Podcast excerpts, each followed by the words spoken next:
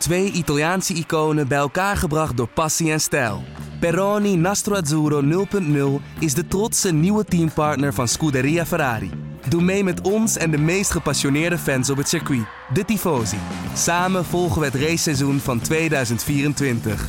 Salute, Tifosi!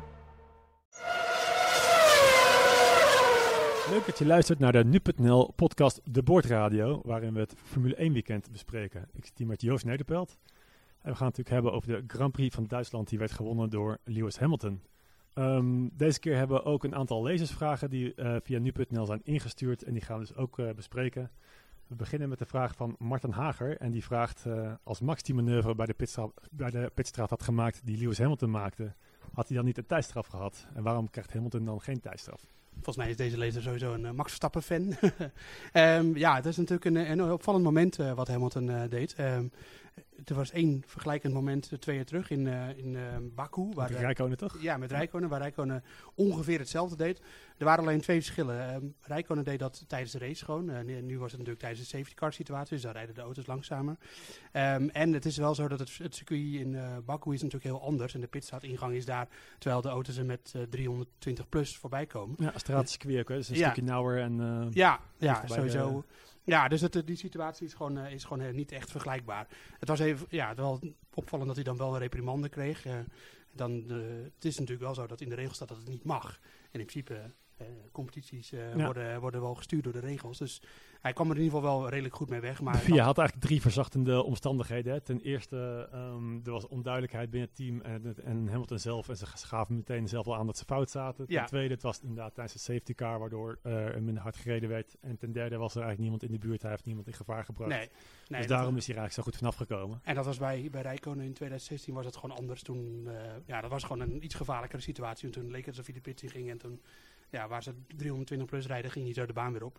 Nou, het was natuurlijk ook een beetje zonde geweest als, uh, als Hamilton hierdoor die mooie zegen was kwijtgeraakt. Ik denk dat het, uh, dat had ook een beetje flauw geweest. Ja, het was, hij zei zelf ook een van de mooiste zegens van zijn carrière. Hij begon op de 14e plek natuurlijk na die mislukte kwalificatie. En dan, uh, dan wint hij gewoon eigenlijk waar iedereen ervan uitging van Vettel gaat en binnen voor eigen publiek. En die ja. gaat verder uitlopen in de wereld in de WK-stand. Het is eigenlijk andersom. Hamilton uh, neemt de leiding opeens weer over. Het was echt een, een, een, zure dag voor Sebastian Vettel. Hij heeft de thuisrace sowieso nog nooit gewonnen. En nu had hij toch al, alle kansen om het te doen. En dan zo'n klein momentje even de achterwielen blokkeren. Het is toch iets te hard die bocht in uiteindelijk. Uh, maar we moeten dat ook niks afdoen aan de, aan de zegen van Hamilton. Want die reed echt op de, in de, zijn openingstint op de, op de softbanden.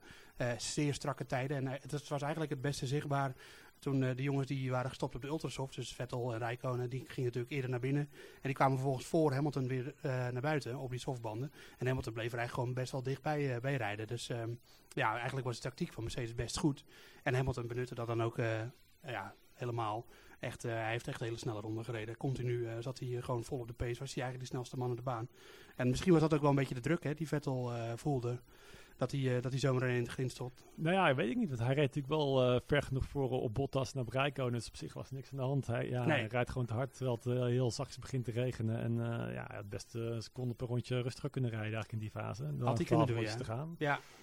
Ja, hele, ja, hij zei zelf klein foutje met hele grote gevolgen. En uh, ja, hij zei ook van ik zal er niet minder op slapen. Maar dat, uh, nou, dat, geloof ik eigenlijk geloof ik niet zoveel van. Nee, hij ligt er dus wel even wakker van.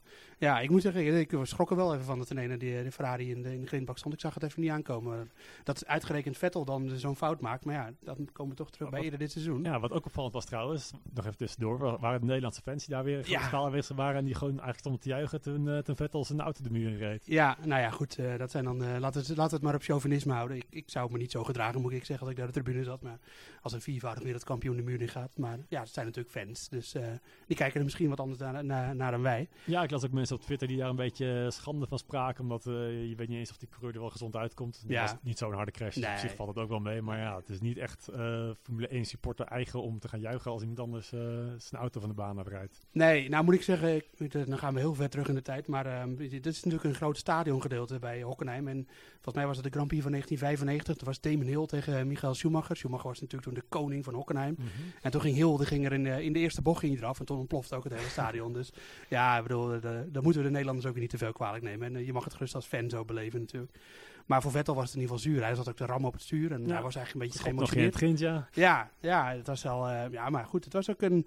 Hij, hij zat nu echt, hij had een goede flow te pakken. En eh, hij kon natuurlijk zomaar twee races achter elkaar winnen. Dat komt niet heel veel voor dit seizoen, dat coureurs Mhm. dat lukt.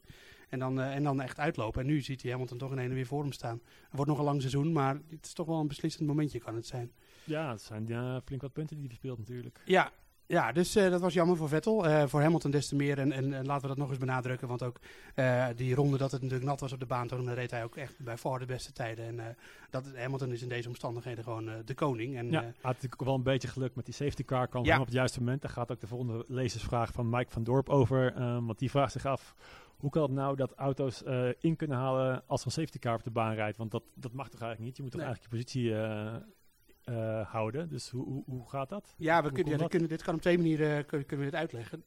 Nou, gewoon puur een auto inhalen achter een safety car, dat mag niet. Maar wat er wel gebeurt is dat, ehm, één, is dat natuurlijk mensen nog een pitstop maken. En daardoor kon Hamilton aan de leiding komen. Bottas ging eerst naar binnen. Nou, dat was een soort van eh, Benny Hill eh, scène daar in de pitstraat, dat ze de juiste banden niet konden vinden. Ehm, en daarna ging Rijkonen alsnog naar binnen. En Rijkonen, eh, of, en Hamilton, die ging natuurlijk naar binnen, maar toch weer naar buiten. Dus die kreeg daardoor de track position in de schoot geworpen. Ehm, dus dat kan één reden zijn waarom je in ene ziet dat de, de volgorde helemaal veranderd is. Dus dat, eh, dat kan zijn dat hij daarop doelt. Kan ook zijn dat je dat eh het moment dat eh, de lapped cars mee nou overtake, dat de achterblijvers een rondje terugkrijgen en de, en de safety car in mogen halen. Maar ik denk eigenlijk dat hij op de eerste doelt inderdaad. En ja, dat, dat pakte voor Hamilton weer perfect uit. En dat was natuurlijk in Silverstone, zo eerlijk moeten we zijn, dat speelde geluk ook een rol in zijn, eh, zijn eh, poging om weer op Plus podium inderdaad de teamorders die we eigenlijk zowel bij Ferrari als bij Mercedes Ja. eh, gezien hebben. Hè. Bij, toen de, pit, of de safety car verdwenen was, probeerde Bottas Hamilton in te halen. Lukte hem bijna. En eigenlijk vrij snel op het teamradio werd tegen Bottas gezegd van we houden gewoon de posities die we hebben. Dus oftewel Ja. val Hamilton niet aan en wordt gewoon lekker tweede. Nee, ik had niet verwacht dat, dat Bottas dat zou doen eigenlijk. Ik denk, die is van tevoren al geïnstrueerd van, van laat Hamilton maar gewoon winnen. Of hou de Ferrari achter je op. Maar dat deed hij niet. Hij ging eigenlijk best wel vol in de aanval. Nieuw contract. Hè? hij eh, zal gedacht maakt het niet meer uit, nee. Nee, het maakt er niet zoveel meer uit. Maar eh, ja, Hamilton die eh, zal er ook wel even van geschrokken zijn. En toen, misschien heeft Hamilton ook wel wat over de boordradio gezegd. Ja. Van, hou, me, hou me van mijn huid, Hiro. Maar Bij Ferrari za- zagen we ook eigenlijk iets vergelijkbaars. Hè. Rijkonen werd een beetje opgeofferd om de kans voor Vettel wat groter te maken. Ja. Hij kreeg een hele vroege pitstop, zodat hij vlak voor Hamilton weer de baan op kon om hem een beetje af te remmen. Dat kwam er ook niet echt van. nee, En daardoor moest hij later nog een pitstop maken. En, Ja, ja dat, eh, maar ik moet zeggen dat, die, eh, dat Rijkonen voor Vettel terecht kwam. Dat was ook al te danken aan echt goede pace op die, op die softbanden. Dus eh, ja, de strategie van Rijkonen klopte gewoon eigenlijk niet. Tenminste, eh, ik weet niet hoe het was gelopen als de race gewoon droog was gebleven. Maar het leek erop dat hij inderdaad een beetje opgeofferd werd. En voor Vettel was het, eh, was het natuurlijk terecht dat hij zich gemeld over de boordradio. Want eh, ja, als je inderdaad achter een andere auto rijdt, dan, dan warm je banden sneller op en slijt je band sneller door de minder downforce. hè, minder neerwaartse kracht. En dan moeten je banden dan weer opvangen en dan slijten ze sneller. Dus dat Vettel dat deed en het is ook gewoon gerechtvaardigd om dat te doen. Dat was niet raar. Alleen het was wel mooi natuurlijk hoe Rijkonen reageerde over de boordradio. Van eh, als jullie willen dat ik hem voorbij laat, zeg het dan zeggen gewoon. gewoon. Gaat niet zo... eh, Cryptisch. eh, Nee, ja, ja hij, heeft een andere strategie. Nee, gewoon, hij moet er voorbij aan de kant met dat ding. En dat deed hij dan uiteindelijk ook. Rijkonen is wat dat betreft de moeilijkste ook niet. Ik denk dat hij stiekem ook gerust wel weet dat hij tweede coureur is. Ja, dat lijkt me vrij duidelijk toch, Ja. als je naar de WK-stand kijkt. Ja, en hij heeft ook niet echt recht om de eerste coureurspositie te claimen. Want dan had hij al een paar races moeten winnen. Maar Mhm. dat is hem sinds zijn terugkeer bij Ferrari niet gelukt nog. Nee. Dan moeten we natuurlijk vooral naar eh, onze Nederlandse vriend. Ja, laten we het ook nog even over Stappen hebben inderdaad. Ja, Eh, ja. We zijn lekker bezig, maar eh, Max is nog niet al, aan bod geweest. Nee. Ehm, we hebben ook een vraag over van Jack van Berkum. Die vraagt, de laatste races is Haas in één keer een stuk meer naar voren gaan rijden. Dat zien we ook in de kwalificatie op zaterdag vooral. Hè. Ja. Is dat door Ferrari bewust zo gedaan om Red Bull een beetje onder druk te zetten? Nou, of dat een strategie is letterlijk om Red Bull onder druk te zetten, weet ik niet. En, en laten we wel wezen, de, de Haas is nog steeds, komt in de, qua race pace ook gewoon echt tekort op de, op de, de Red Bull. Ehm, en nu bij de kwalificatie profiteren ze natuurlijk gewoon van die sterke Ferrari motor. Maar dat is ook meteen het geheim achter de Haas. Eh, dat is gewoon een, een halve Ferrari, laten we het zo maar zeggen. De, de versnellingsbak, de ophangsdelen, allemaal, dat kunnen ze allemaal kopen bij Ferrari. En de motor natuurlijk vooral. En de rest wordt gemaakt door eh, Dallara. Dat is ook een Italiaanse eh, fabrikant.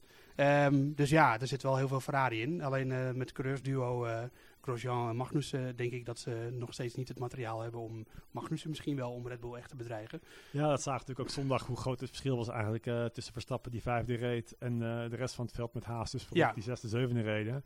Want ja, ze konden dus eigenlijk het permitteren om het gokje te nemen met de pitstop naar de intermediates die compleet verkeerd uitpakten. eh, en alsnog zou ze nog steeds vijfde geworden zijn. Ja, twee pitstops eigenlijk. Ja. Kon hij gewoon maken. Dus Twee dat, pitstops, je bent nog ja. steeds vijfde, dus zo groot is het gat ook nog wel. Dus wat dat betreft denk ik niet dat...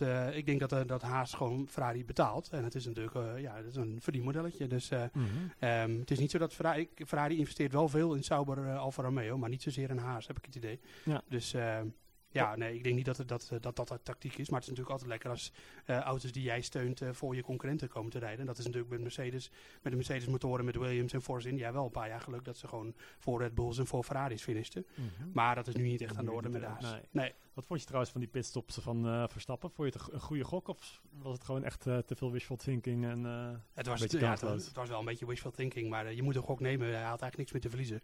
Op, pu- op pure snelheid ging hij, ging hij de jongens voor hem toch nooit voorbij komen. En als je dan die gok kan nemen, ja, ik, zou, er, ik zou er geen spijt van Rijkonen hebben. moest nog pitstop maken, toch? En Hamilton misschien ook nog? Ja. Dus het had Ja, misschien wel een derde gekund, kunnen worden. Ja, maar ja, ik, ik denk dat ze gewoon ook redeneren van als we deze gok nemen en het pakt goed uit, dan, kunnen, nog winnen, ja. dan kunnen we winnen. En dat hebben we eh, natuurlijk eerder dit ook gezien in China. En Ja. nog een keer, geloof ik. Ehm, eh, even kijken, wanneer hebben we dat nog meer gehad? En ja, niet met regenbanden in ieder geval. nee, maar wel dat ze gewoon een gewaagde pitstop-strategie hebben en snel nog verbanden wisselen achter een safety car. Eh, nou, dat was in Oostenrijk Ja. natuurlijk, hè, de- met, met de dubbele pitstop. En dat deed Ferrari toen natuurlijk ook. Mercedes had dat ook moeten doen. Maar ehm, even terug naar de, ja, de, de- naar, de, naar de, de Grand Prix van Duitsland. Sowieso eh, terecht dat ze die gok nemen. Want ja, ik- volgens mij uh, redeneert Verstappen ook zo. En wereldkampioen kan hij niet meer worden. Dus je doet er nog in instantie mee om te, om te winnen. Hij kan nog wereldkampioen worden, maar laten we heel eerlijk zijn. Realistisch zit hij er gewoon gaat- niet echt in. natuurlijk niet meer lukken. Nee, En, eh, het gat ja. wordt alleen maar groter. Dan moet, je, dan moet je het gat gaan dichten. En het gat wordt elke week alleen maar groter. Dus eh, wat dat betreft, eh, nee, gaat hem niet worden. Ja, en dat is gewoon wat we van Red Bull vaker zien. Dat ze gewoon die gok nemen als ze denken, nou, we hebben Ja. 50% kans, hebben 20% kans, we proberen het gewoon en lukt het, dan winnen we. En verliezen we, ja, dan zijn we alsnog 15 zesde. Dus ja, heel veel te verliezen hebben ze ook niet. Nee, daarom. Dus kijk, eh, de, de, de plek in het eh, constructeurskampioenschap, de derde plek, is ruimschoots veilig. Ehm, de coureurs worden toch geen wereldkampioen op deze manier. Dus ja, dan, eh, dan kun je dit soort gokjes gewoon wagen.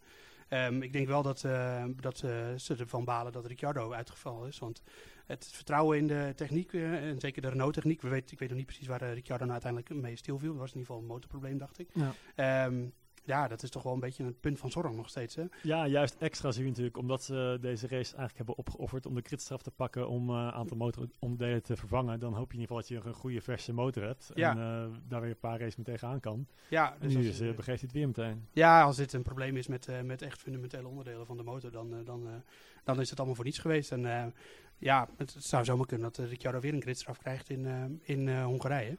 Maar laten we dat hopen voor niet. Want Hongarije wordt natuurlijk wel een baantje waar de, de Red Bull en ene wel heel goed uit Ja, uit- daarom uit- hebben ze natuurlijk nu, nu eh, die gridstraf in Duitsland gepakt, omdat ze in Hongarije wel eh, kans denken te maken op de zege. En dat Ja. is natuurlijk een circuit dat ze een stuk beter ligt. De focus ligt vol op Hongarije bij Red Bull. En dat, eh, dat komt gewoon omdat daar heel weinig rechtstukken zijn. Er is er maar één. En veel, eh, veel bochtjes. En eh, dat zag je ook bij Verstappen nu eh, in de kwalificatie. Dat hij eh, in de bochtjes eh, blijft hij gewoon prima bij met, eh, met de Ferrari en de Mercedes. Maar op het rechtstuk, ja, vooral die Ferrari motor loopt als een trein. eh, zeker in de kwalificatie momenteel. En daar, eh, daar verliest Mercedes het zelfs op op, op, eh, op, op dit moment. Dus ja, de, er moet toch wel gewacht worden volgend jaar. We hopen op grote ontwikkelingen bij Honda. Ja. Al moest Gasly ook weer een nieuwe motor. maar Brandon Hartley reed eh, in de punten. Dus Eén puntje erbij. één puntje erbij. Dus een verdubbeling van zijn aantal punten. Dus eh, nee, ja, het is echt allemaal nog een groot vraagteken hoe dat er volgend jaar voor staat. eh, Ja, als we het toch over volgend jaar hebben, is het natuurlijk ook wel interessant eh, de coureursmarkt. Ja. Bottas en Hamilton hebben een contract met Mercedes verlengd. Er zijn er maar liefst vier coureurs die voor volgend jaar een contract hebben. Naast Bottas en Hamilton zijn het Verstappen en Vettel. En ja, de komende week zal natuurlijk ontzettend veel gaan gebeuren bij de andere teams. Hè? Ja, er is heel veel, er is heel veel open. Ehm, er, zijn, eh, er zijn in ieder geval een aantal namen die wel eh, nadrukkelijk worden genoemd. Ocon wordt heel erg gedrukt bij Renault. Renault, ja. Ja, ehm, In plek van Sainz zou het dan zijn. Hè? ja, en dan zou Sainz weer naar McLaren gaan, eh, naast, naast Alonso. Om Alonso happy te houden. Zou, sowieso is het de vraag of Force India volgend jaar nog wel bestaat. Zeker onder deze naam, want dat gaat echt financieel niet Ja, goed daar. en die zouden misschien een strol krijgen als opvolger van Ocon. Ja, nou ja, en dan krijgen ze Stroll als opvolger van Ocon, maar ze krijgen vooral het geld, Geld van van Stroll als opvolger van Ocon. En dat, ja, eh, Ocon levert eh, wel wat korting op, volgens mij, op de Mercedes-motoren die ze krijgen, want Ocon is natuurlijk eigenlijk Mercedes-coureur. Mhm. Ehm, maar het geld van Stroll eh, gaat daar wel boven, bovenuit, denk ik. Ehm, dan hebben we natuurlijk nog Leclerc, die nog steeds wordt genoemd bij Ferrari, maar... Hij lijkt er zelf ook wel een beetje moe van te worden van die vraag elke keer. En ja, Rijkonen presteert ook niet echt ondermaats of zo. Dus het is, er is nu nog geen reden om afscheid te nemen van, van Rijkonen. Al moet ik zeggen, wel weer. er wel lang over in ieder geval om, om het te Ja. verlengen dan als het eh, zouden willen. Ja, dat sowieso. En het is ook zo dat, dat Rijkonen toch weer een foutje maakt in Q3, eh, in allebei de ronden. En dat is, gebeurt hem toch wel heel erg vaak. Ik zou bijna zeggen dat hij het bijna bewust doet om niet voor Vettel te eindigen, want daar had hij echt de snelheid voor. Maar ehm ehm Rijkonen is natuurlijk eh, wel eh, al 38 en het, het wordt wel een keer tijd om daar een eh, fris, fris talent in te zetten. Alleen dat is gewoon niet des Ferraris om dan een jongen met één jaar ervaring om die over te plaatsen. Maar ze hebben voor de rest ook niemand achter de hand of zo. Ricciardo naar Ferrari zie ik ook niet gebeuren. Je zou kunnen zeggen, als Vettel toch de onbetwiste kopman is, waarom niet een jongen als Leclerc ernaast die dan Ja. een jaartje of twee jaar kan leren en misschien dan, Ik zou het wel weten. ja, Ehm, en dan hebben we natuurlijk nog de... Ricciardo die nog bij Red Bull eh, waarschijnlijk ja. gaat tekenen, dat zit al aan te komen Ja, in deze dat, dagen. eh, volgens mij is er gewoon al getekend. of de, in ieder geval dat, er is in ieder geval eh, overeenstemming over wat er moet gebeuren. En ik kan me niet voorstellen dat Ricciardo weggaat bij Red Bull. Dat, ja, waar heeft ook geen optie meer eigenlijk. hè? Nee, daarom. Dus, en als ze bij Renault al heel nadrukkelijk over, over Ocon praten, dan is de optie Sainz ook, of de optie Ricciardo daar ook wel weg. Ehm, Alonso zou ook nog genoemd zijn bij Renault, maar die, zijn, die schijnt weer te duur te zijn. Dus ehm, ja, dus het kan nog van alles gebeuren. En de, de grid voor volgend jaar staat nog helemaal niet vast. Het lijkt er wel op dat Sirotkin bij Williams blijft. En dan moet er weer natuurlijk ook iemand naar Williams met geld. Want als er niemand met geld bij Williams zit, dan weet ik niet of ze het wel gaan overleven. Want eh, ja, Stroll die betaalt, eh, de vader van Lance Stroll, eh, Lawrence Stroll, betaalt wel echt een groot deel van het budget daar. En ja, er is een hoop geld nodig om die auto weer wat verder naar voren wegvalt, te dan krijgen. hebben ze echt een probleem. Ja, daarom. Dus eh, voor Williams is te hopen dat ze toch weer ergens eh, een geldschieter vandaan, of gewoon de auto snel maken. Dat ze, dan komen de sponsors natuurlijk vanzelf. Want Martini, de sponsor van, eh, van Williams, stopt er ook mee na dit seizoen. Dus ehm, nou ja, dat is allemaal nog een hoop vraagtekens. Het silly season is in volle gang en dat zal de komende weken meer duidelijk worden. Meestal zo rond Monza, dan is alles wel weer beklonken. september. Dus we zien hoe het dan loopt. Volgens mij hadden we nog een vierde vraag. Klopt, er was nog één vraag van Jelle Kemperman. En die eh, vraagt hoe kunnen teams eh, de verwachte bandendegradatie en de rondetijden berekenen op zo'n zondag? Hoe doen ze dat? Nou, daar gebruiken ze sowieso natuurlijk de, de allerlei factoren voor. Ze gebruiken sowieso de data van Pirelli. Al is altijd de, is altijd de lezing dat Pirelli heel conservatief is met, eh, met wat er kan met banden. En dat er uiteindelijk altijd meer uit blijkt te kunnen te halen. Ehm, ze hebben de simulator. eh, in alle teams hebben een simulator in de fabriek waar er altijd mee wordt gereden. En ze hebben zoveel data. ehm, die, eh, die teams over de banden en over hoe alles reageert. En elke auto is ook uitge- uitgerust met, eh, met sensoren waarmee ze de bandenslijtage kunnen meten. Eh, ze kunnen de temperatuur natuurlijk meten. Temperatuur is daar heel erg van op invloed. Dus ehm, ja, eigenlijk tijdens een vrije training wordt er op vrijdag al heel erg gekeken hoe, hoe lang doen, we- met dit bandensetje, hoe lang doen we met dat setje, hoe lang doen we met de mediums, bewijzen van. En, dan, en daar worden natuurlijk ook tijden mee gereden. En dat wordt dan weer vergeleken met de data die ze al hebben, ook van eerdere jaren soms. En dan komen ze meestal de, de rekenwonders, dat zijn wij niet. die komen dan meestal wel tot, eh, tot een conclusie met hoe lang je kunt, eh, kunt rijden op een, eh, op een setje en welke Ja, tijd dus je ongeveer kunt Eigenlijk is het natuurlijk zo als, als Verstappen op zondag aan de start staat, dan heeft zijn team al berekend van je start op de ultrasoft banden, daarmee ga je waarschijnlijk 28 rondes Ja. volhouden. En dan ga je zo lang temperatuur. Ja, En dan wordt het echt tijd om te wisselen. Ja, eh, eigenlijk we weten de teams gewoon al voordat de race start. Dat als zouden een, een, coureur gewoon normaal zijn normale ronde rijden en er gebeuren geen rare dingen, weten ze ongeveer, nou, wel tot bijna in een seconde hoe lang die daarover gaan doen. Inclusief pitstops. Dus, eh, en ja, dat hebben ze gewoon allemaal berekend aan de hand van inderdaad de, de data die eh, vergaard is eh, digitaal met de, met, de, met de simulator en ook tijdens de trainingen natuurlijk op de baan. Dus zo gaat dat in zijn werk. Ehm, nou, dan moeten we nog even natuurlijk vooruitkijken naar, eh, naar Hongarije en de rest van het seizoen. Het was sowieso, wat we al zeiden, een Red Bull baantje. Dat kan zomaar, eh, een, eh, de, Wilhelmus zou zomaar kunnen klinken op zondag als Verstappen het allemaal voor elkaar heeft. Vorig jaar eh, won Ferrari daar natuurlijk. Ja, vorig jaar vijfde, hè? dus het eh, was vorig jaar geen, Nee. heel succes. Nee, vorig jaar was het nog geen Ferrari, of geen, toen was het een Ferrari baan, toen was het nog geen Red Bull baan. Wat, ze, wat ze veranderd dan waarop nu wel Red Bull is. Ja, de auto van Red Bull is beter geworden. hè. Het, het chassis is echt, dat is een, ze hebben het beste chassis van het hele veld. Dat hadden ze misschien vorig jaar ook al. Maar nu is hij denk ik nog beter geworden. Eh Verstappen is daar in ieder geval altijd heel, heel enthousiast over. En misschien is de motor in verhouding toch wel iets beter geworden. Maar ehm, of het in de kwalificatie lukte voor, dat, ehm, dat is nog maar de vraag. Want eh, het is best evengoed nog wel een redelijk lang stuk. Eh, en de Ferrari is daar toch wel heel erg sterk in, vooral qua tractie en zo. Dus het wordt evengoed nog wel spannend. Het is, echt geen, het is niet zoals in Monaco, waar Red Bull echt uitgebreid de snelste was. Dat, dat denk ik niet. Ehm, en die kwalificatie is wel heel belangrijk, want in Hongarije kun je niet goed inhalen. Dus dat is eh, nog wel een ding. Ehm, en dan gaan we nog even kijken naar de WK-stand. Want eh, Verstappen staat nu één puntje achter. Eén puntje achter Ricciardo normaal ja. inderdaad. Dus toch weer 12 punten ingelopen. Ja, het is toch... Eh, ja, dus ondanks een slechte eh, start in het seizoen is hij alweer uh, zijn teamgenoten, ja, staat vrijwel gelijk eigenlijk. Dus ja, hij, hij, had zijn kritiekastjes al de mond gesnoerd eigenlijk met zijn goede optredens in, in Engeland, in, in Oostenrijk, in Frankrijk natuurlijk. Ja. En nu, ja, nu is hij eigenlijk bijna de beste van het team. Ja, en Ricciardo heeft natuurlijk ook wel de nodige pech gehad, dat moeten we ook zeggen natuurlijk, want die die veel meer Die valt nu een paar keer uit inderdaad. Ja, dat helpt ook mee met Verstappens uh, opkomst. Uh, en Hamilton heeft toch wel weer een uh, klein gaatje geslagen op Vettel. Die staat op 188, Vettel op 171. 17 punten, ja. ja dus en, hij gaat waarschijnlijk de zomerpauze wel in als, als leider. Als zomerkampioen. Ja, dan, hoewel ja, Ferrari was vorig jaar heel sterk in Hongarije. Dus we moeten nog eens zien wat er gebeurt. Maar als Hamilton gewoon op het podium eindigt in Hongarije, dan is hij sowieso zomerkampioen. Um, ja, en dat was dan uh, de podcast voor deze week. Uh, volgende week zijn we weer, weer, bij u terug op maandag met uh, de podcast over de Grand Prix van Hongarije. Ja, dan gaan we even napraten over Hongarije. En daarna is de vier weken lang geen Formule 1 race. Ja, even zo een pauze. Even, even op stand. Ja. en mocht u nog lezersvragen hebben voor de volgende podcast, dan kunt u die altijd mailen naar redactie.nu.nl. of u kunt ze op Nu Jij onder de Formule 1 berichten achterlaten. En dan behandelen we die in de volgende podcast. Bedankt voor het luisteren en graag tot de volgende keer. Yes.